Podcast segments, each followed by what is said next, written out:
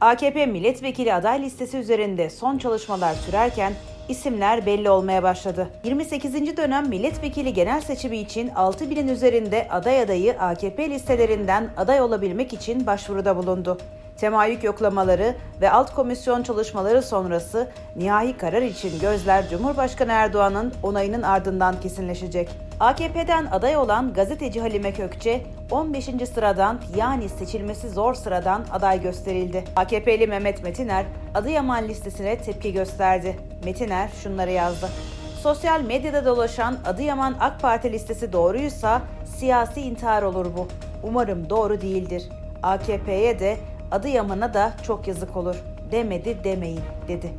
Metiner ayrıca onurlu insanlar istemedikleri yerde durmazlar paylaşımını yaptı. Sedat Peker'le beraber sanık olduğu bilinen Ünsal Ban'ın eski eşi Zehra Taşkesenoğlu listede yer alamadı. İçişleri Bakanı Mehmet Ağrınoğlu, AKP Elazığ Milletvekili Zülfü Tolga Ağar da 28. dönem listelerinde yer bulamadı. Öte yandan Cumhurbaşkanı Yardımcısı Fuat Oktay, Türk futbolunun eski hakemi Kuddusi Müftüoğlu listelerde sıra kaparken Adalet Eski Bakanı Abdülhamit Gül de Gaziantep birinci sıradan milletvekili adayı oldu. İçişleri Bakanı Selami Altıok ve Efkan Ala da listelerde yer buldu.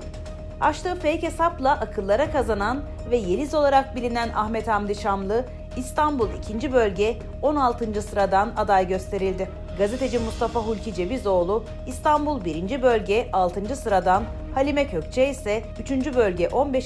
sıra adayı olarak listelerde yer aldı.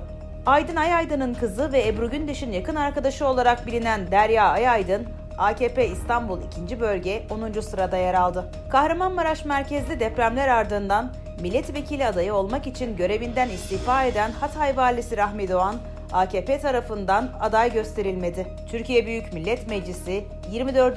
25.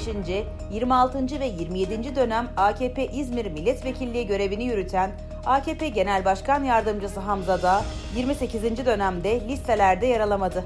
Dağ sosyal medya hesabından şu açıklamayı yaptı. Kural gereği 2011 yılından bu yana gururla sürdürdüğüm milletvekilliğini bu dönemde yürütemeyeceğim savunucusu olduğum ve istisnasız bir şekilde uygulanan bu kuralı partimiz için ve ülkemiz siyaseti açısından büyük bir kazanım olarak değerlendiriyorum.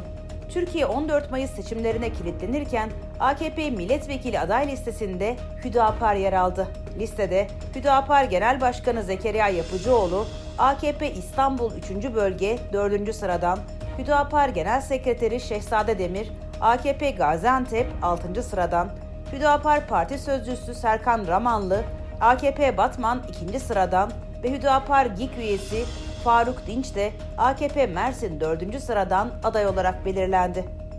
Cumhurbaşkanı Yardımcısı Fuat Oktay, Ankara 3. Bölge 1. sıra milletvekilliği adaylığına ilişkin Cumhurbaşkanımız Sayın Recep Tayyip Erdoğan'ın takdiri, aziz milletimizin desteğiyle Ankara'mıza hizmet etmeye hazırız açıklamasını yaptı.